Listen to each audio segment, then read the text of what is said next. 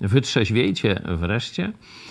Nie chodzi tutaj oczywiście o, o pary i spirytualia, E, ale o kłamstwo, fałsz, złe myślenie i co za tym idzie, złe postępowanie, czyli grzeszenie. Tak kończy się takim właśnie wezwaniem, 34 werset z 15 rozdziału pierwszego listu do Koryntian, e, kończy się fragment, który dzisiaj będziemy rozważali. Stąd tak go zatytułujmy. Wytrzeźwiejcie wreszcie, no jak ktoś chce tak hmm, troszkę bez skojarzeń, no to otrzeźwiejcie wreszcie. Nie? I nie grzeszcie. Dalej jest rozwinięcie. No a najpierw przeczytam o co chodzi.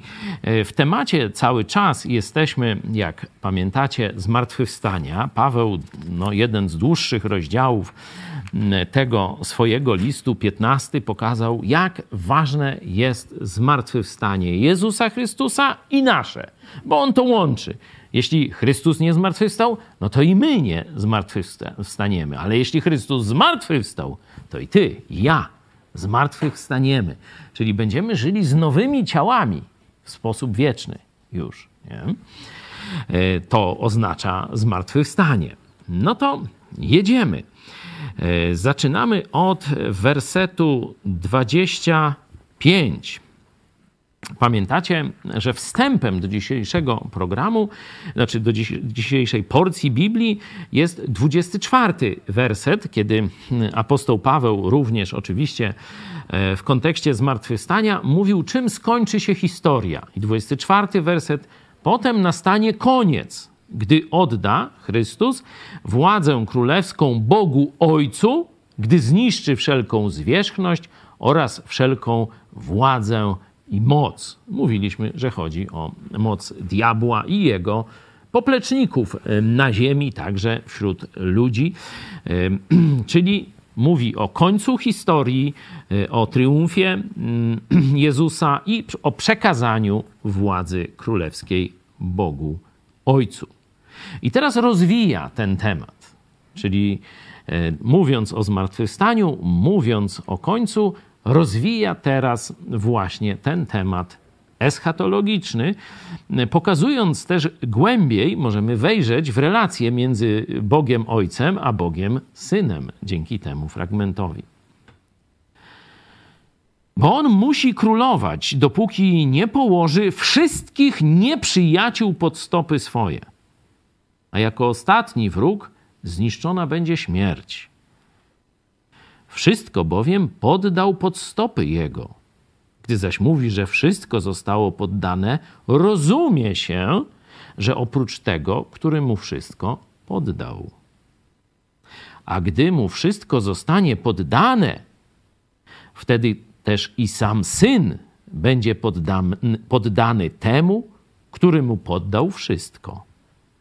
Aby Bóg był wszystkim we wszystkim. Cóż wtedy uczynią ci, którzy się dają chrzcić za umarłych? Jeżeli umarli w ogóle nie bywają wzbudzeni, no to po cóż się dają chrzcić za nich? Po cóż i my każdej godziny narażamy się na niebezpieczeństwo?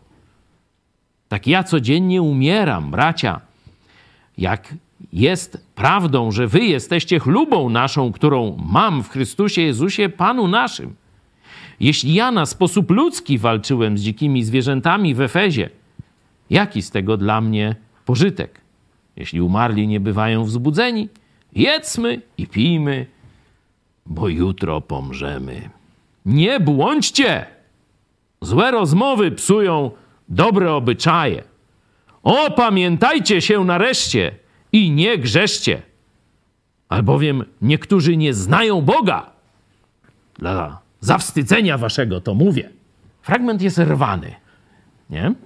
Są różne tematy, że tak powiem, sklejone razem. Najpierw przyszłe panowanie Chrystusa. I zobaczcie, to przejście, aż taką długą pauzę zrobiłem, bo jeśli się czyta, że tak powiem, bez y, tej pauzy, no to jak bez sensu. Zobaczcie, y, przejście między 28 a 29 wersetem, nie? Aby Bóg był wszystkim we wszystkich, y, y, wszystkim we wszystkim, nie? Czyli takie, jakaś taka cudowna, cudowne podniesienie nastroju i widzenie Boga i końca historii, że wszystko teraz jest już w Bogu. Oczywiście będziemy starali się to trochę rozwikłać, choć nie jest to proste. Podkreślam, to, to, ten werset nie jest prosty. A tu nagle, cóż wtedy uczynią ci, którzy się dają chrzcić za umarłych? Jakiś w ogóle przyziemny kontekst, jeszcze do końca nie wiadomo o co chodzi. Nie? E, mówi o tym, o tych e, właśnie no, sprawach związanych i ze swoim życiem, i z tymi, którzy e, chcą tam się chrzcić za umarłych. I potem nagle wrzuca to takie ostre nie błądźcie i opamiętajcie się, nie? Dwa takie ostre, ciężkie napomnienia, nie takie no wzywam was, zachęcam was, tylko to jest takie, takie no obuchem w łeb, nie? No widać, że, że Paweł mocno przeżywa ten, e, ten, jeśli jest taka chaotyczna mowa, jak gdyby w, w piśmie, to znaczy, że są wielkie uczucia. Nie wiem, czy się ze mną zgodzicie. Że on jest nieźle wpieprzony, że w takie kucypały Kościół wierzy. Bo to się przecież w kościele dzieje, nie?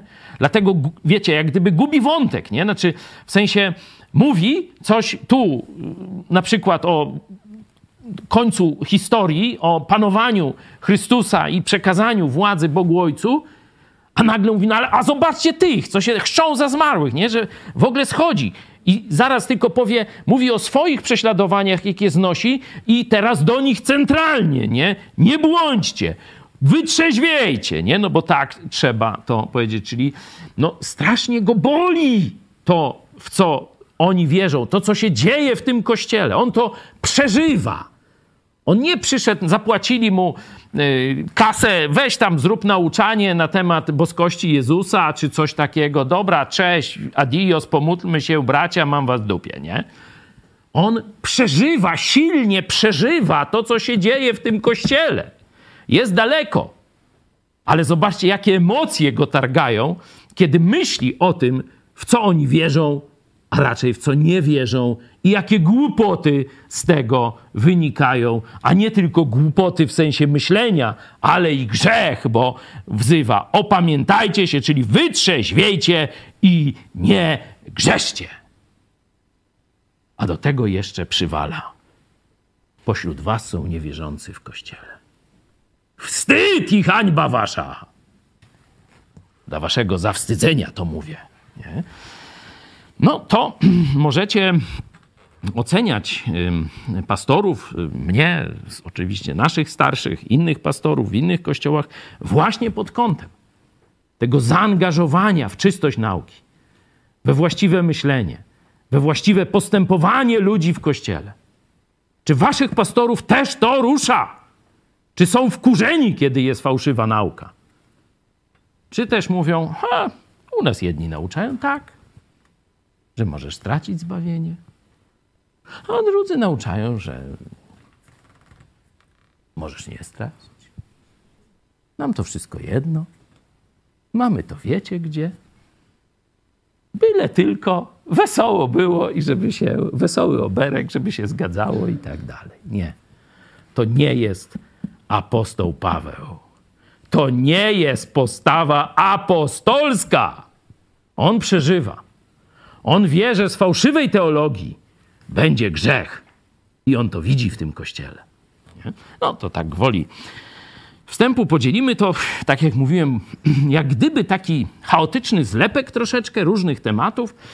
E, trzy tematy. Jeden ten profetyczny, związany z końcem. Drugi taki bardzo logiczny. Zobaczcie, tu jest takie fajne, fajne, fajne zdanie. Może zróbmy tak. Przeczytajmy. E, oczywiście widać tutaj trzy jasne e, takie partie tego dzisiejszego programu o wytrzeźwieniu, dzisiejszego mm, fragmentu. 25 do 28 Y, to jest to wy, wybiegnięcie do przodu, czyli proroctwo. Wersety 29 do 32 dotyczą tego, co się dzieje tu i teraz, argumenty z życia, logiczne argumenty z życia, no i wersety 33, 34, no to jest y, takie zastosowanie, wezwanie do zmiany, wezwanie do wniosków. Przeczytajmy może z jakiegoś innego tłumaczenia. Może weźmy może tą odnowioną Biblię Gdańską tym razem na początek. Bo on musi królować, aż położy wszystkich wrogów pod swoje stopy. A ostatni wróg, który zostanie zniszczony, to śmierć. Wszystko bowiem poddał pod jego stopy. A gdy mówi, że wszystko jest mu poddane, jest jasne, że oprócz tego, który mu wszystko poddał. Gdy zaś wszystko zostanie mu poddane, wtedy i sam syn będzie poddany temu, który mu poddał wszystko, aby Bóg był wszystkim we wszystkich. Bo inaczej co zrobią ci, którzy przyjmują chrzest za zmarłych, jeśli umarli w ogóle nie są wskrzeszani? Po co przyjmują chrzest za zmarłych? Po co i my każdej godziny narażamy się na niebezpieczeństwo? Zapewniam was przez chlubę, którą mam z was w Jezusie Chrystusie naszym Panu, że każdego dnia umieram. Jeśli na sposób ludzki walczyłem z bestiami w Efezie, jaki z tego mam pożytek, jeśli umarli nie są wskrzeszani? Jedzmy i pijmy, bo jutro pomrzemy. Nie łudźcie się, złe rozmowy psują dobre obyczaje. Ocknijcie się ku sprawiedliwości i nie grzeszcie. Niektórzy bowiem nie mają poznania Boga. Mówię to ku waszemu zawstydzeniu. Amen. Dzięki. No tutaj pojawia się to ciekawe określenie w 27 e, wersecie. Ono widzicie, że no, interpretacyjnie tu nie ma jakichś wielkich różnic. Nie? Czytając te teksty, chyba nie napotkaliście na jakieś E, kontrowersje jakieś. 27 e, werset w Biblii brytyjskiej jest rozumie się, a w tym, co Czarek przed chwilą czytał, jasne jest. Sprawdźmy to słowo, jak to jest, ten 27 werset, albo w jeszcze innym tłumaczeniu, albo ja skorzystam tu z pomocy interlinearu, czyli tekstu greckiego z mm, przełożeniem każdego słowa na nasz język. Jawne, jawne, czyli oczywiste, nie? Zobaczcie, że mm, tu mamy taki przykład zastosowania ludzkiej logiki i tak zwanego zdrowego rozsądku. Nie? Że, że przy interpretacji Biblii, bo, bo tu apostoł Paweł interpretuje e, tekst e, ze Starego Testamentu, nie? tu jest werset to jest werset 27, to jest psalm 8, 6 werset. I no, mówi, że kiedy pismo mówi wszystko, bowiem poddał pod stopy jego, to teraz wzywa ludzi do nałożenia logiki na ten werset. Jak go rozumieć? Zobaczcie, swojej logiki, swojego rozsądku swojej wiedzy, mówi. Gdy zaś mówi, że wszystko zostało poddane, jasne jest, oczywiste jest, że oprócz tego, który mu wszystko poddał. Nie? No bo jak ktoś poddaje mu wszystko, no to mówi, oczywiste jest, że y, oprócz siebie, nie? oprócz samego siebie. Nie? Po co y, zatrzymuje się? Nie chodzi mi o to, żeby analizować zbyt głęboko czy teologicznie tu naturę Boga i tak dalej, tylko chodzi mi o używanie logiki i rozumu w interpretacji Biblii, bo tu mamy klasyczny tego przykład. Zobaczcie, ile y, takich sporów teologicznych, y, szczególnie w średniowieczu, w czasie reformacji, to właśnie na tym polu, można powiedzieć, tego dotyczy. Nie? Tu E, ta główna kontrowersja jest, że na przykład katolicyzm wybiera sobie miejsca, gdzie chce dosłownie rozumieć jakiś, jakiś tekst i wtedy mówi, nie, tu jest dosłownie, bo my tak uważamy, chociaż wszystkie znaki na niebie i na ziemi Jezus mówi, bierze w czasie wieczerzy kawałek chleba i mówi, to jest ciało moje. O, tu żebyście widzieli, mówi, to jest ciało moje. Nie? O, może taki będzie teraz nowoczesny, nie? Format też dobry, zobaczcie, nie? I teraz, no tu jest ciało Jezusa, nie? On trzyma w ręku kawałek chleba i mówi, to jest ciało moje. I katolik mówi dosłownie. A, a, a chrześcijanie ewangeliczni, wszyscy rozsądni ludzie, nawet nie chrześcijanie, mówią, przecież oczywiście, że to jest symbol. To jest oczywista, jak dwa razy dwa. To jest symbol mojego ciała, nie? To jest symbol mojego ciała, bo moje ciało jest tu, nie? Ja trzymam w ręku, nie? No to, wiecie, trudniej o jasny przykład. To zobaczcie, katolicy się będą upierać. Albo werset. Którym odpuścicie grzechy są. No niektórzy nawet mówią będą, ale powiedzmy, że ostatnio z księdzem Chyłą tam utłumaczyłem księże. To ksiądz nie wie, że to nie jest dosłowne, ponieważ nie ma w Biblii w ogóle żadnego przypadku spowiedzi, do której ksiądz chce użyć te słowa? Nie? No oczywiście milczy, ale to już tam on wierzył, że nie, to, to jest dosyć oczywiste, no ale brnie dalej w kłamstwo, no to już tam. A będziemy mówić o tym, co, co tam z tymi wrogami Jezusa, to tu jest też, też o tym, którzy kłamią, przekręcają i tak dalej, różne takie rzeczy. Tu mamy przykład, gdzie apostoł Paweł daje wzór posługiwania się logiką i rozumem. Mówię, wszystko bowiem poddał pod stopy jego, gdy zaś mówi, że wszystko zostało poddane, rozumie się, że oprócz tego albo jasne jest, albo oczywiste jest, jak y, pastor Zaręba tłumaczy ten werset 27, chodzi mi o to słowo. Też jasne, no to podobnie rozumie się, jasne, oczywiste jest, że oprócz tego, który mu wszystko poddał. Albo jak Jezus mówi, że jest drzwiami, to nie chodzi o to, że jest na zawiasach i, i wiecie, zbity z desek i jakieś takie tam rzeczy. Albo jak mówi, że jest krzewem winnym, czy różne e, takie rzeczy. Że używa przenośni, nie? czyli porównania lub symbolu. A zobaczcie, katolicy się... Nie, bo my, to pasuje do naszej teologii, dzięki temu będzie ksiądz miał władzę nad Bogiem, jak mówi e, ten no, e, Wyszyński, nie? Będzie rozkazywał Bogu, e, przyjdzie, to przyjdzie, nie, to ksiądz zapije albo źle przeczyta, no to nie przyjdzie i tak dalej. Także no, no wychodzą z tego śmieszne rzeczy, bzdury, właśnie przed, przez odrzucenie logiki i zdrowego rozsądku logiki i zdrowego rozsądku przy e, interpretacji Biblii. Nie? Podobnie e, czynią, jak katolicy, podobnie czynią świadkowie Jehowy. Nie? E, I, albo opacznie używają logiki i mówią, no jak Jezus modlił się do Boga, to znaczy, że nie mógł być Bogiem. A dlaczego to tak znaczy? No bo by mówił do siebie. Hmm.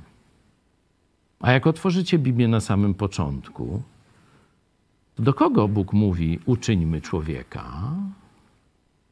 No, świadkowie, do kogo? To co, anioły tam tych człowieków robiły, lepiły z gliny, jak plastusie, tak? No? Proste jak dwa razy dwa. No, Bóg się objawił, że jest jeden w trzech osobach. I te osoby mogą do siebie mówić. I mówią. I różne relacje są. I tu mamy relacje. Zobaczcie, jest Bóg Ojciec i jest mowa, Syn się pojawia. Nie? Także, no to taki trochę off-topic, ale pokazuje, że używanie rozsądku, używanie logiki jest konieczne w interpretacji Biblii. Niekiedy musimy być ostrożni, żeby rozsądek nie poprowadził nas w ślepą uliczkę. Nie? Czyli tu rozsądek bardziej rozumiem nasze widzenie rzeczywistości, nasze założenia uprzednie. Na przykład świadkowie Jehowy zakładają, że Jezus nie jest Bogiem. Nie? To jest ich założenie fundamentalne, uprzednie, taki beton, można powiedzieć, ich e, przekonań. Nie? I ja rozmawiam ze świadkami, otwieram Ewangelię Jana, o zobaczcie, tu jest o Janie Chrzcicielu, fajny fragment, chodźcie sobie poczytamy, świadkowie drodzy, nie? Lubicie czytać Biblię? Nie, drogie dzieci? Znaczy, lubicie? No lubimy, no to e, czytajmy e, i zobaczcie, tu jest komu to e, Jan Chrzciciel przygotowuje drogę, o zobaczcie, wyprostuje, wyprostujcie ścieżki, no dla kogo? No dla Jezusa, nie? No tak, no nie, no oczywiście. No zobaczcie, nawet jest proroctwo ze Starego Testamentu. O, zobaczcie, z Izajasza, taki fajny prorok, na pewno go lubicie, nie? E, no to otwórzmy Izajasza e, i tam jest, przygotujcie drogę, no komu? No Jachwę. Uuu, zaczyna stężenie, następuje zwarcie szczęk i pytam, no a teraz, drodzy, drogie misie, kim jest Jezus Chrystus. Zobaczcie, tu Jan Chrzciciel Jezusowi przygotowuje drogę, tu wypełnia proroctwo, że właśnie Jahwe przygotuje drogę. Kim jest Jezus Chrystus, drogie dzieci? To niemożliwe! Przecież, przecież Jezus nie jest Bogiem. Aha, no to jest złe zastosowanie, e, że tak powiem, no może to nie jest rozsądek, bo to jest durnota, ale pokazuje uprzednich założeń. Ale stosowanie logiki stosowanie wiedzy ogólnej, bo często Biblia się właśnie odwołuje do naszej wiedzy ze świata, na przykład hodowli y, tam owiec i tak dalej, i używa tej wiedzy już, żeby pokazać pewne, e, pewne zasady duchowe. Nie? Także tu mamy ten werset 27, bardzo mi się spodobał, bo on jest klasycznym tego przykładem. Zobaczcie, apostoł Paweł mówi, oczywiste jest, że tego nie można tak rozumieć, tylko tak. Nie? Jeszcze raz zobaczcie, wszystko bowiem poddał pod stopy jego. Gdy zaś mówi, że wszystko zostało poddane, rozumie się, że oprócz tego, który mu wszystko poddał. Nie? Także to e, taka tu ogólna wycieczka w kierunku zasad interpretacji e, Biblii. E, I zobaczcie, że właśnie wszystkie te narody, ludzie, którzy poszli za takim rozumowym podejściem do Biblii najdalej zaszli. Bo e, kiedy Luther tłumaczył na e, język narodowy, to już to samo robił Eras z Rotterdamu. Nie? Czyli można powiedzieć największy umysł odrodzenia, renesansu. Nie? A oni razem robili to samo. Nie? E, oczywiście, czy Erasm z Rotterdamu doszedł do osobistej wiary w Jezusa, tego nie wiem. Zdaje się, że filozofia nie odpowiada też, historia filozofii nie odpowiada też na to pytanie. Ale widzimy, jak bardzo poważnie traktował Słowo Boga. Jak bardzo się przyłożył do jego odczytania i zrozumienia. Bo przecież jak człowiek tłumaczy, to musi najpierw zrozumieć, bo inaczej niczego nie przetłumaczy. Nie? To każdy lingwista czy polonista, ktoś, kto się też parał e, tłumaczeniem, e, wie o tym. Najpierw musisz zrozumieć, a potem dopiero możesz przełożyć w swoim języku. Nie?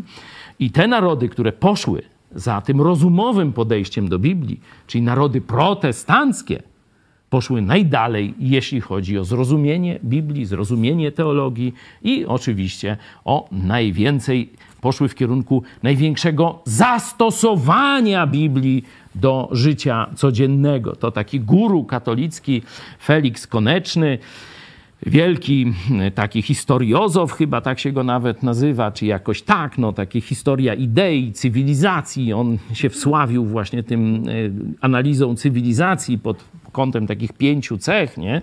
Tam piękno, dobro, sprawiedliwość, jakieś tam tego typu rzeczy i która cywilizacja jest najlepsza i wiecie, co mu wyszło? Wszystkie drogi nie prowadzą do Rzymu. Jemu wyszło, że do Londynu. Stwierdził, wszystkie te moje dywagacje na temat cywilizacji najlepiej zostały zrealizowane w protestanckiej Anglii. Felix Koneczny. Możecie się z nim boksować. To też tam pomówię do tych naszych katolickich widzów, którzy e, no, w jakiś sposób nie zgadzają się z tym, co tu jest mówione. To se podyskutujcie z Konecznym. E, książka jego Cywilizacja Bizantyjska. E, tam jest szeroki fragment na ten temat. Tak, żeby jeszcze przypomnieć stare dzieje, to tę książkę dostałem od Grzegorza Wysoka. I on sam mi to powiedział. On sam mnie to uświadomił. A ty wiesz, że Koneczny kiedyś napisał coś takiego? Mów mi wuju, toż to argument dla mnie. Noż masz, masz. No, zobaczcie, człowiek, ladonna, znaczy człowiek jest zmienny, nie mówi się to o kobietach, a tu zobaczcie, mężczyzna, a jednak zmienny, nie? No dobra, to wracamy do naszego tekstu. Oczywiście najciekawszy taki poznawczo. Najwięcej nowych informacji o Bogu mamy w tej pierwszej części, gdzie e, Paweł rozwija koniec czasów i relacje Bóg Syn, Bóg Ojciec. Nie? I za chwilę jeszcze raz może przeczytamy z, z, z, tłumaczenia, tym razem pastora Zaręby. Druga część jest z kolei najtrudniejsza, bo nikt nie wie, co z tymi chrztami za zmarłych. Co to jest, nie? Też niewiele wiemy o tych walkach w Efezie, nie? Także ona jest prosta logicznie, ale trudna, bo nie mamy wiedzy, o co chodzi, nie? nie, nie mamy opisanego tego przypadku, żeby Paweł um, gdzieś był prawdopodobnie, no to taki ten zwyczaj rzucania tam ludzi, którzy tam byli skazani za jakieś przestępstwa na arenę dla uciechy gawiedzi, żeby ich rozszarpywały dzikie zwierzęta, nie? No to chyba o czymś takim tu jest mowa, ale nie mamy tego opisu nigdzie szczegółowo w Biblii, nie? Tutaj to się zjawia. Y, także mówię, ten fragment, chociaż prosty logicznie, to jest trudny, bo historycznie nie, nie wiemy czegoś, nie? ani o tych sztach za zmarłych nie wiemy, ani co tu y, miało miejsce w tym Efezie dokładnie. No, y, fragment końcowy, czyli 33-34 jest z kolei zastosowawczy. Nie? Tu wreszcie są nakazy. Wcześniej są informacje, wnioskowanie, a tu są nakazy. To teraz ty zrób. To do ciebie jest. Wytrzeźwiej. Przestań grzeszyć nie daj, nie, nie błądź. Nie pieprz głupot inaczej, można tak powiedzieć, nie? bo to jest nie błądźcie na dzisiejszy język, to by tak trzeba. Można by gorzej, ale no to już tu się mniej więcej e, zatrzymamy. No w potocznym języku to tak ludzie do siebie mówią, no dzisiaj, nie? Podejrzewam, że spora część nawet y, protestantów, chrześcijan, to jak tam troszkę się, że tak powiem, wzburzy i tak dalej i ma komuś wytłumaczyć, żeby nie plótł od rzeczy, to mu tam powie mm, nie i tak dalej, nie? Ale to nie o to chodzi. tak samo tutaj 33 werset ktoś powie, ojej, brzydkie słowa, i przeżegna się, może jeszcze wodą święconą niech mnie e, poświęci. Złe rozmowy. To nie chodzi o dobór słów, chodzi o dobór treści tutaj. Fałszywe, durnoty, to są złe rozmowy. Powtarzanie głupot. Na przykład wychodzi jakiś święty chrześcijanin i mówi: My się w politykę nie angażujemy, bo my święci jesteśmy. Co to jest? To jest właśnie zła rozmowa, o której tutaj jest mowa. A nie jak ktoś powie gnój, dupa czy coś takiego. Jak fałszywe treści sączy ludziom do głowy. To są złe rozmowy, które prowadzą do zgorszenia, do zła. Złe rozmowy psują życie, bo prowadzą do złych czynów. Jeśli fałsz ludziom mówisz, jeśli mówisz nie angażuj się w politykę, kiedy Bóg mówi angażuj się, bo to jest życie społeczne, to jest pastor, yy, szef tego seminarium, pastor, doktor Moller. Jak argumentował? Jak pamiętacie, byliśmy u niego z wizytą w jego gabinecie i o tymśmy rozmawiali. Pamiętacie, jak mówił? To jest miłość bliźniego. Polityka to jest życie wspólne, życie miasta, życie polis, życie społeczności szerokiej. Jeśli ja mam w dupie, co się, żyje, co się dzieje w mojej społeczności, to ja nie kocham moich bliźnich. Proste. Znaczy on to mówił tam spokojnie i tak dalej. No ale chcecie, słuchajcie jego. A jak ktoś chce, słucha mnie, bo ja mówię tak. Nie? Angażowanie się w politykę jest dowodem miłości do bliźnich. A to jest jedno z podstawowych nakazów Pisma Świętego. Tak czy nie? Któryś podskoczy? No. Takie bzdury w kościołach wygłaszane czy że trzeba chrztu, żeby być zbawionym, albo że trzeba wytrwać do końca, żeby być zbawionym. To przecież nie jest już zbawienie z łaski. To jest z uczynków, z wytrwania, a nie tylko i wyłącznie z łaski, którą Bóg dał nam w Chrystusie, który zawisł za nasze grzechy. To to są złe rozmowy, które psują i niszczą kościoły, a nie gnój czy dupa. No. Dobra. Przeczytajmy z pastora Zaręby ten pierwszy teologiczny fragment. On bowiem musi królować, aż położy wszystkich wrogów pod swoje stopy. A jako ostatni wróg usunięta zostanie śmierć.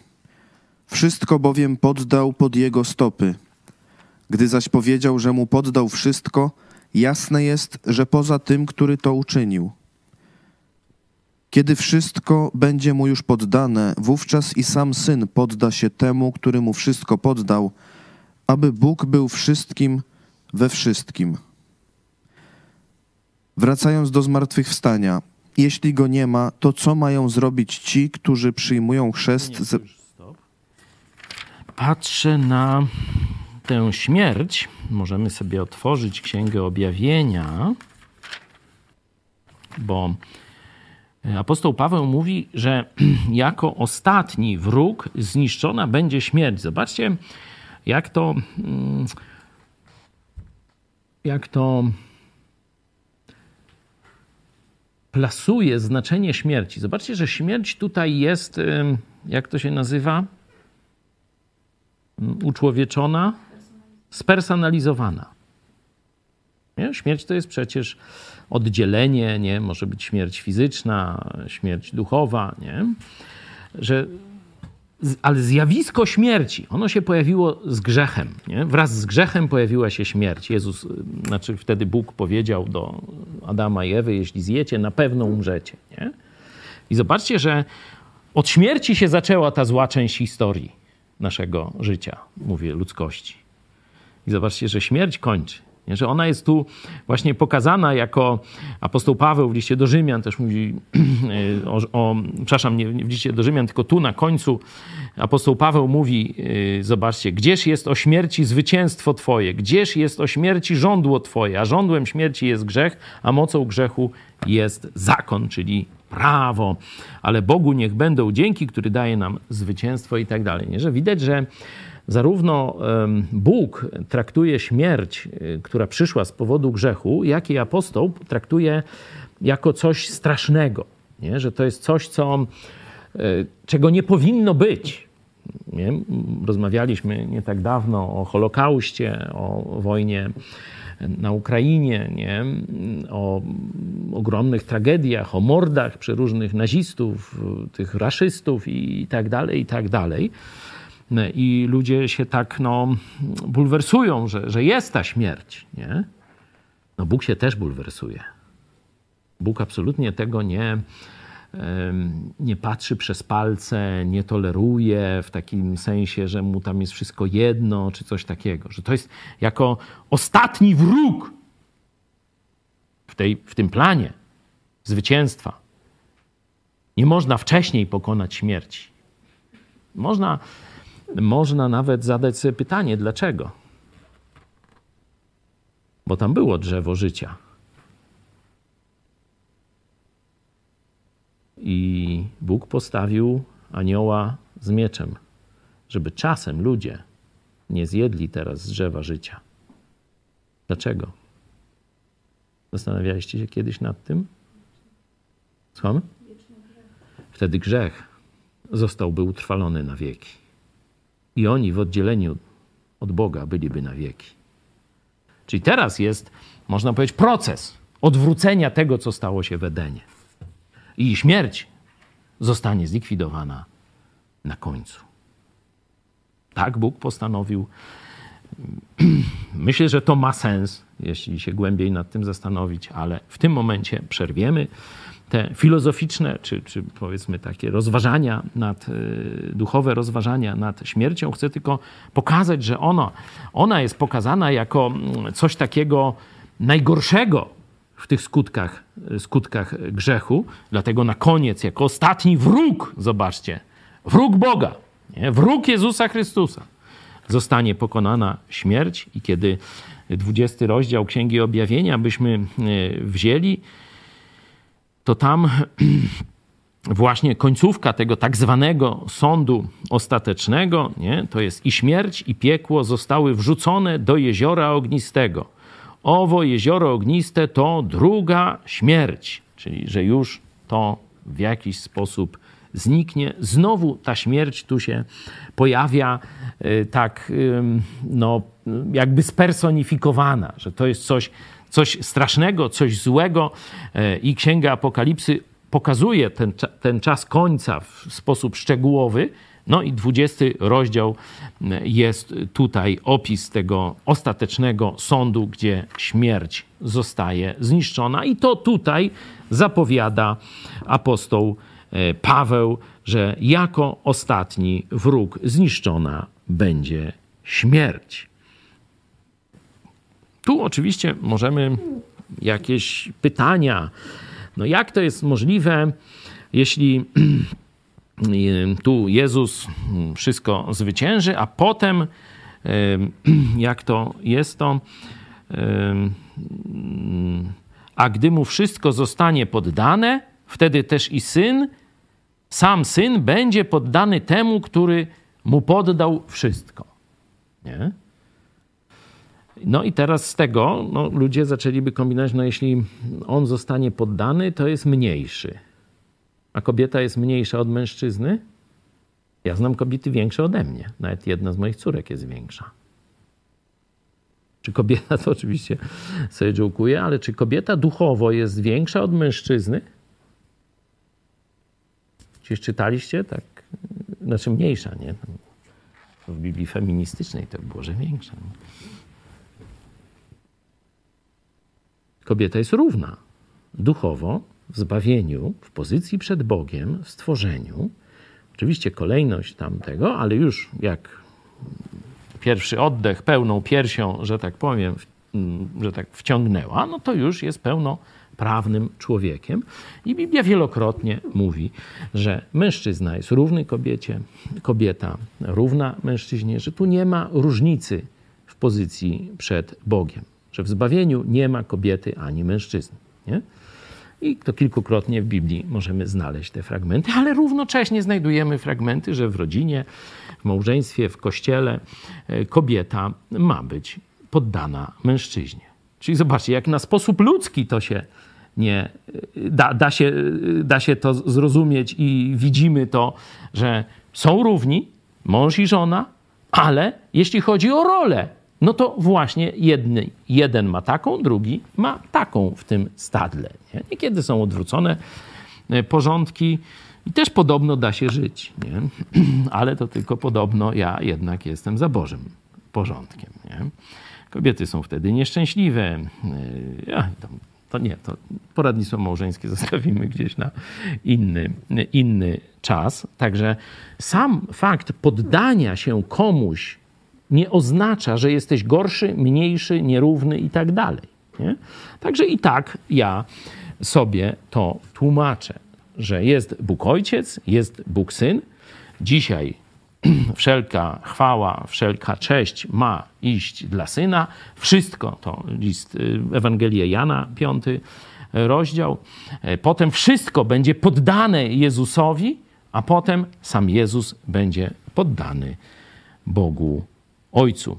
Tu najciekawszy dla mnie jest ten, ta końcówka wersetu 28.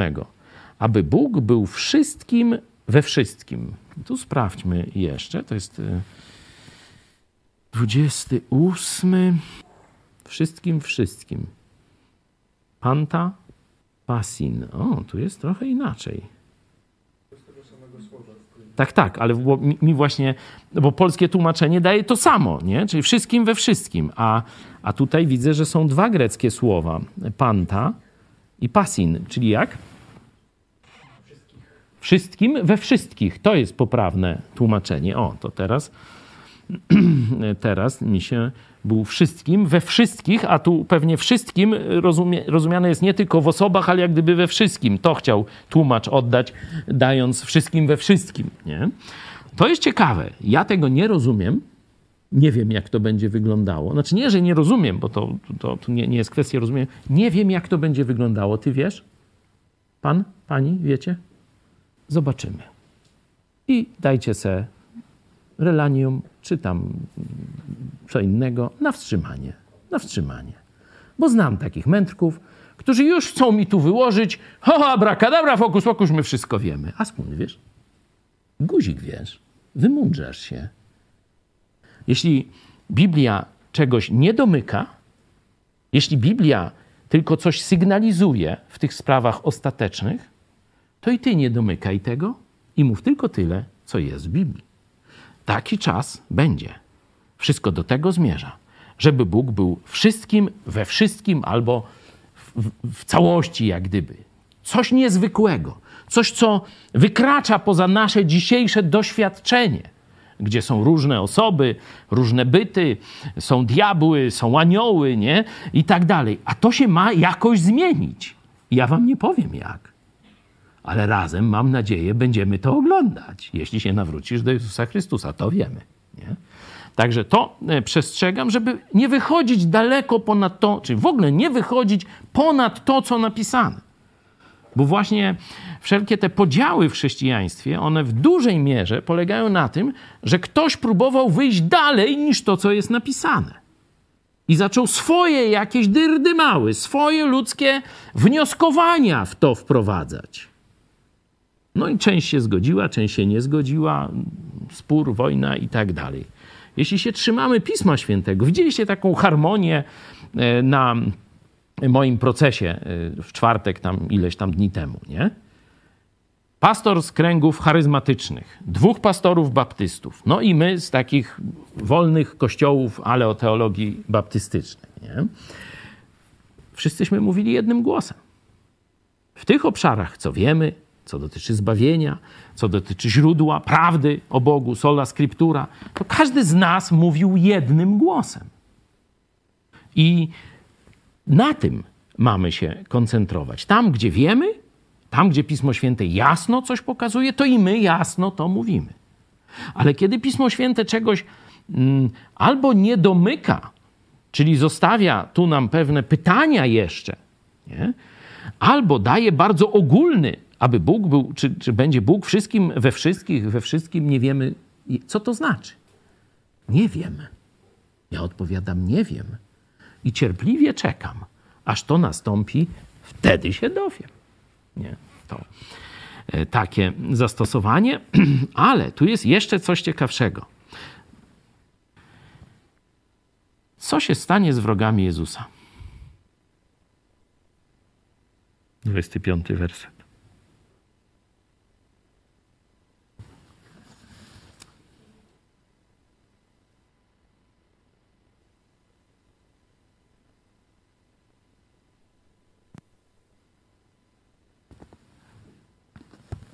Hmm? Co się stanie z wrogami Jezusa? Proste pytanie. Będą pod jego stopami. Wszyscy. Wszyscy. Tu e, badacze Biblii no, odkryli, że ten werset jest najczęściej cytowany w Biblii. Nie? Zobaczcie, że coś tak powtarzane, cytowane znaczy, że coś ważnego. No i teraz przesłanie do wrogów Jezusa wcześniej czy później uklękniesz przed Jezusem. Nawet nie, e, nie tylko, że uklękniesz, zostaniesz rzucony do stóp Jezusa. Nie wiem, co to oznacza. Czy będziesz pełzał, czy będziesz wył, czy będziesz skamlał, czy będziesz tam próbował lizać jego stopy. Nie wiem. Zobaczcie, tu, no, ja nie chcę was straszyć, ale tu jest jasna przyszłość wszystkich wrogów Jezusa bo on musi królować, dopóki nie położy wszystkich nieprzyjaciół pod stopy swoje. Zwykle to wyglądało do, tych czasów starożytnych, to że ten y, pokonany jakiś tam król, wuj czy inny tego, no to tam padał na ziemię i ten zwycięzca na jego karku stawiał nogę. Nie? To, to tak wyglądało. No i teraz, co wolisz? Dzisiaj, po dobroci, kiedy Jezus stuka i pokornie stuka i kołacze do Twojego serca, mówi: Słuchaj, zapłaciłem za Ciebie. Ty już jesteś mój, no zapłacone jest za Ciebie. Ja już zapłaciłem. Należysz mi się. Ja Cię kocham. Chcę Twojego dobra. Nie chcę Cię zniszczyć, nie chcę Cię mm, odbierać tego, co Ci naprawdę daje szczęście. Nie? Oczywiście chce ci odebrać to, co ci się wydaje, że ci daje szczęście, a w rzeczywistości cię niszczy, marnuje i, i za, za dwa lata czy coś to się stanie to i to z twoim życiem, z twoją wątrobą, z twoją rodziną czy coś takiego, nie? Chce twojego dobra. Dałem tego dowód umierając za ciebie konkretnie na krzyżu Golgoty. Sam swoje życie dałem za ciebie. No to ogarnij się. Zobacz, w jakim syfie żyjesz. Kochasz to? Chcesz tego? Chcesz tego więcej, tego syfu, który już naważyłeś w swoim życiu, który cię gnębi, który wychodzi ci bokiem? Ja chcę cię uwolnić. Chcę dać ci i przebaczenie, i moc do zmiany życia. Oto stoję u drzwi i kołaczę. Jeśli kto posłyszy mój głos i drzwi otworzy, wejdę do niego i będę z tobą wieczerzał jak z przyjacielem przy jednym stole. To jest oferta Jezusa dziś. Dlatego to się nazywa czas łaski. A potem przyjdzie czas gniewu. Dziś czas łaski. Dziś możesz wybrać życie. Przyjaźń z Jezusem. Przebaczenie wszystkich grzechów. Życie wieczne i wszystko, wszystko to, co Biblia obiecuje tym, którzy otworzą drzwi Jezusowi. Jezus na siłę cię nie zmusza przekonuje cię swoją miłością. Faktami, które pokazał w Biblii, faktem zmartwychwstania, o którymśmy wcześniej mówili, że jeśli nie było zmartwychwstania, to te kazanie możesz sobie wsadzić, wiesz gdzie. To, to co ja mówię, czy, czy inni wszyscy pastorzy razem wzięci. Ale jeśli było zmartwychwstanie, to oferta Jezusa jest dzisiaj dla ciebie aktualna. I jeśli ją przyjmiesz, to też zmartwychwstaniesz tak jak On. No i masz do wyboru życie albo śmierć a i tak będziesz całował stopy Jezusa. Jako wróg, niewolnik wtedy. Chcesz tego? No musisz być, jeśli tego, jeśli to już rozumiesz, a dalej trwasz przy złu, to tylko głupi jesteś. I zobaczcie, kiedy czytamy Biblię, to taki człowiek, który mówi, że nie ma Boga, że to się nie stanie. Pamiętacie, jak jest nazwany? Głupi rzekł w sercu swoim: Nie ma Boga. A mądry, kiedy się o tym dowie, mówi: Jezu, chcę być Twój. Chcę być Twoim przyjacielem na zawsze. Wejdź do mojego serca, obmyj mnie i uczyń mnie, bym się nadawał. Uczyń mnie tym, bym się nadawał do społeczności z Tobą i z Bogiem Ojcem. No, zobaczcie, wybór prosty. Jak to wybierze? Zobaczymy, ale wszyscy będą, że tak powiem, e, albo dobrowolnie po stronie Jezusa, i tu Apokalipsa opisuje, że Jezus na przedzie, a my za nim. Piękny widok, nie? Stąd kiedyś taką próbowałem napisać piosenkę. Jezus już spina złoty pas. Nie? To jest właśnie, że jako wódz i sędzia wjedzie na koniu. Nie? A to już blisko. To już blisko. No ale tu wróćmy, albo jako jego przyjaciel możesz być po stronie Jezusa, albo będziesz lizał jego stopy jako jego wróg pokonany. Nie życzę ci tego. Mimo, że wiele rzeczy złych zrobiłeś, może i mi, i mojej rodzinie, może innym chrześcijanom, tak jak apostoł Paweł, który wstrącał do więzienia, donosił y, prokuratorów, nasyłał, różne tam brzydkie rzeczy robił chrześcijanom to później, pamiętacie. No, zresztą przeżył troszeczkę ten właśnie etap y, lizania piasku, nie? monochem koleinę w piasku, że tak powiem, robił, nie? kiedy spadł z konia w Damaszku i leżąc plackiem na ziemi, kim jesteś? Jak gdyby posrał się ze strachu. Mówi, a ja jestem Jezus, którego ty prześladujesz i poszedł po rozum do głowy. Nie? Wow. To tylko Tobie chcę służyć. No i się wziął i nawrócił. Żołnierz, w sensie człowiek służb,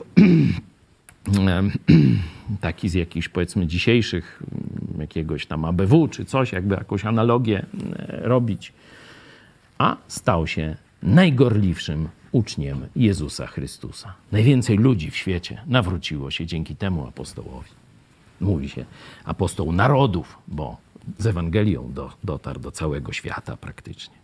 Ten człowiek, który no, był moralnie jednym z najgorszych. Siebie później zresztą nazywał, i tu czytaliśmy, siebie nazywał płodem poronionym. Zobaczcie, to też e, tu mamy dziewiąty werset. Ja bowiem jestem najmniejszy z apostołów i nie jestem godzien nazywać się, się apostołem, gdyż prześladowałem Kościół Boży, a wcześniej ósmy werset, a w końcu po wszystkim ukazał się mnie jako poronionemu płodowi. Zobaczcie, jak on opisuje w takich naprawdę ostrych słowach to, kim był i jaką łaskę Bóg mu okazał. Nasz, nikt z nas nie przeżył aż tyle, wiecie, stąd dotąd, ale każdy swoje tam nabroił w życiu i wie, każdy z nas, chrześcijan, wie, ile Bóg nam przebaczył. Ile Bóg nam przebaczył. A On nam przebaczył nawet przyszłe nasze grzechy. To jest dopiero dobra nowina. To jest fajne.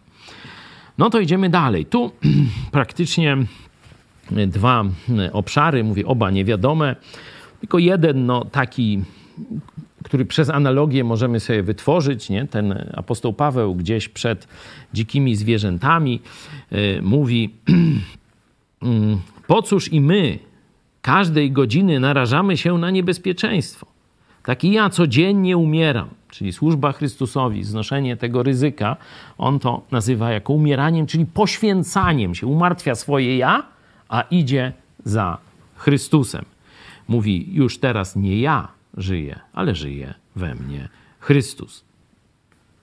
Po cóż i my każdej godziny narażamy się na niebezpieczeństwo, tak i ja codziennie umieram, bracia, jaka jak jest prawdą, że wy jesteście chlubą naszą, właśnie dzięki temu, że on się narażał, że on głosił Ewangelię, to oni uwierzyli w Chrystusa. Jeśli ja na sposób ludzki walczyłem z dzikimi zwierzętami w Efezie, jaki z tego dla mnie pożytek, jeśli umarli nie bywają wzbudzeni? Nie? Zobaczcie, mówi, bez sensu jest nasza służba i narażanie się, jeśli nie ma zmartwychwstania. Nie? To co ja robię? Co ja robię tu? Normalnie. Mówi, jeśli nie ma zmartwychwstania, chleć po flaszkę. Jedzmy i pijmy, bo jutro pomrzemy. Nie ma niczego. Jest tylko tu i teraz. Może co użyjemy, może nie. Jutro po nas i robaki nas zjedzą. Najwyżej się wyżygają. Zależy kogo. Nie? A to już Pietrzak i jego dowcipy o Leninie, no to już zostawię. To jest Zobaczcie, konsekwencja, jeśli nie ma zmartwychwstania. I przechodzi do zastosowania. Nie błądźcie. 33 werset. Do tych sztów zaraz wrócimy. Jak jest w innych tłumaczeniach? Tu jest nie łudźcie się, nie? czyli nie ulegajcie fantasmagorii, nie wiedźcie w głupoty, w bzdury, w jakieś kucypały, jak to czy kocopoły, jak niektórzy inni mówią, nie? Nie łudźcie się. Wiara w nieprawdę jest łudzeniem się. Złe rozmowy, w tym sensie fałszywe prawdy, bo on tu atakuje tych, którzy mówią, że Chrystus nie zmartwychwstał, albo że my nie zmartwychwstaniemy w sposób dosłowny. Takie rozmowy, głoszenie takich głupot w kościele niszczy Kościół, niszczy dobre funkcjonowanie Kościoła. I dalej. Otrzeźwiejcie! Opamiętajcie się. Jak tu jeszcze inne tłumaczenia ten 34 ładniej oddają.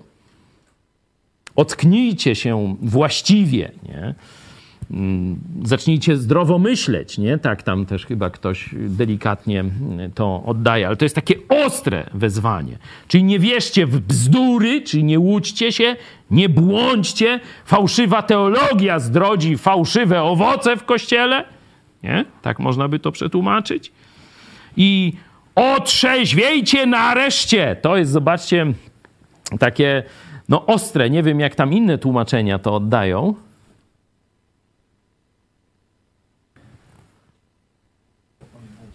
Opamiętajcie się, otrzeźwiejcie i nie grzeszcie. Zobaczcie, są trzy nakazy. Nie wierzcie w kit, obudźcie się, zacznijcie zdrowo myśleć o prawdzie nie? i przestańcie grzeszyć.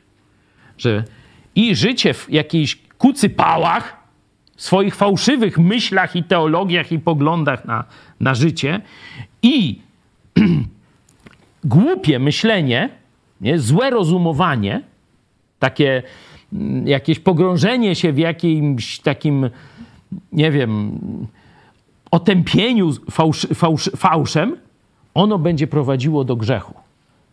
Czyli jeśli nie ma prawdy jasno skoncentrowanej przed Twoimi oczami, to będziesz grzeszył, inaczej mówiąc.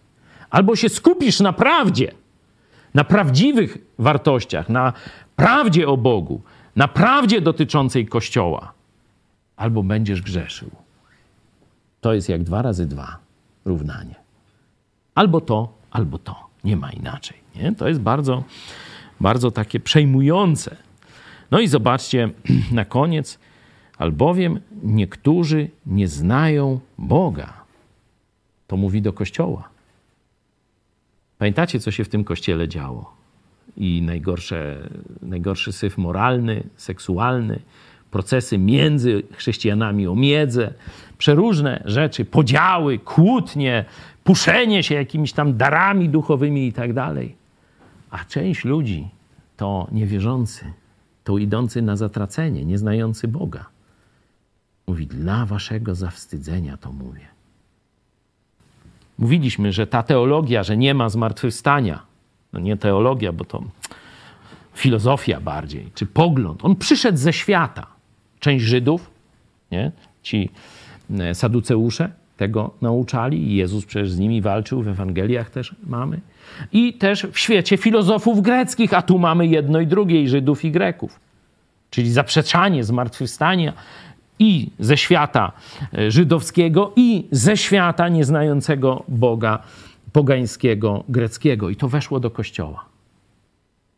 I oni powtarzają te kucypały. A tu obok są niewierzący ludzie. Dla waszego zawstydzenia to mówię. Zamiast opowiadać te bzdety, że nie ma zmartwychwstania, weźcie się do ewangelizacji. No, tak by można to zastosowanie e, inaczej pokazać, bo to o to chodzi. Weźcie się do ewangelizacji. Dla zawstydzenia mówię. Tolerujecie pośród siebie niewierzących w kościele.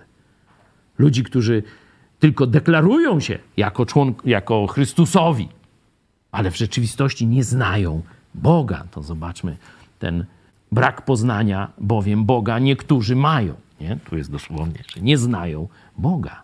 Żyją w kościele. Zobaczcie, już się to zaczęło. Kościoły katolickie pełne są niewierzących ludzi. Ale tu mamy kościół protestancki, można tak powiedzieć, biblijny. Oczywiście pełen wad i najgorszy tam w całej Biblii. Ale kościół biblijnych chrześcijan. I tam już są niewierzący. Czy w Twoim kościele są niewierzący? Pastorze, czy każdego sprawdziłeś? Ty albo inni pastorzy starsi. Czy masz pewność? Czy troszczysz się o to? Czy myślisz o tym? Czy tylko ma się zgadzać tam ilość, żeby nas było jak najwięcej i tak dalej, i tak dalej. Zobaczcie, dla waszego zawstydzenia to mówię.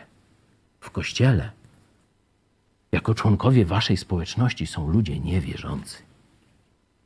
A wy jakieś durne dyskusje na temat, czy jest zmartwychwstanie, czy nie, toczycie. Analogii, jakichś zastosowań mogłoby być dość dużo. No, jeszcze na koniec wróćmy do tego chrztu za zmarłych. Oczywiście pojęcia zielonego ani ja, ani nikt z badaczy Biblii nie ma. Nie? Także odpowiedź moja jest prosta. Ktoś z Was zadał to pytanie, jak tylko zaczęliśmy czytać. Mówię, że odpowiem na nie, no niniejszym to czynię. nie wiadomo. Prawdopodobnie, to teraz mówimy już y, jakieś swoje te, że była jakaś grupa, bo tu jest ważne, że on ani tego nie poleca, ani nie gani, tylko mówi, że część ludzi taką praktykę robi. Nie wiemy dlaczego, nie wiemy jak. Może może było tak, że oni na przykład uwierzyli w Chrystusa, ale zostali zabici, bo widzimy, że tu kontekst prześladowań jest, te lwy rzucają, znaczy rzucają chrześcijan przed lwy i oni e, zostali rozszarpani przez lwy, czy, czy zabici w jakiś sposób, a, a nie mieli chrztu wodnego, nie? I, I ci wierzący mówią, no jest nakaz chrztu, no jest, no to może mm, uwierzył, złożył świadectwo, no to, ale to są wszystko nasze gdybania. Nie wiemy. Tej praktyki Paweł nie popiera. Ona się nie utrzymała. Nie, nie, słyszałem, żeby w późniejszych czasach czy dzisiaj gdzieś ktoś odstawiał takie jazdy, ale wtedy takie były. To jest fakt bezsporny. I Paweł mówi, że jeśli, zobaczcie, ci wasi bracia, bo to gdzieś w kościołach musiało siedzieć, biorą te chrzty za zmarłych, to znaczy wierzą w ich zmartwychwstanie. On użył to tylko jako argumentu, żeby wskazać, że zmartwychwstanie na pewno nastąpi, że jest, można powiedzieć, fundamentem naszej wiary i jest naszą, naszym kierunkiem. Tu nie jest nasz kierunek. Nie tu i teraz użyć tośmo i tak dalej. Zanurzyć ryj w korycie. Nie? Po to idą ludzie w Polsce do polityki. Razem z łbem, z całym ryjem, z uszami. I żreć, i żreć, i salceson, i jeszcze czterdzieści baniek. W sutannie, nie patrzy i ryło wsadza w to karmę, jak świnia, taki knur, w to pełne, pełne, bo państwowe. Tu jest, tu jest, jeszcze by cały wskoczył i dupę zanurzył w to wszystko, nie? Aż to... I później mówią, o, polityka brudna. no tak, boście ją wy zabrudzili. To pastor Turczynow mówił. Dlaczego jest polityka brudna? Bo świnie się nią zajmują, a nie chrześcijany. Gdyby się biblijni chrześcijanie, ludzie o silnej moralności, zajmowali polityką, to nie przypominałaby ona właśnie tego koryta z bulgocącą karmą dla właśnie tych niemoralnych, zepsutych ludzi, dla których nie ma żadnych świętości ani żadnych wartości. Opamiętajcie się i nie grzeszcie. To jest przesłanie także dla nas dzisiaj. Zmartwychwstanie będzie, może niedługo, może bardzo niedługo. No i teraz pytanie dla ciebie. Co robisz dziś? Czy dzisiaj jesteś, że tak powiem, owładnięty tą myślą? O, Jezus może przyjść niebawem. Jezus może przyjść za rok, może pięć, może za trzy dni. Jezu chce zrobić, co się jeszcze da. No a Paweł mówi, jeśli tylko w tym ciele, w tym doczesnym życiu, jeśli tylko to ciało, które przecież, no może dzisiaj jest piękne, tak jak moje, nie? No może tak jak twoje, twoje i tak dalej, nie?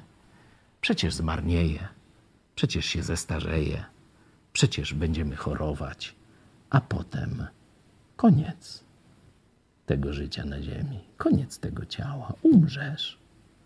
Ja umrę też, chyba że Jezus wcześniej wróci. I co?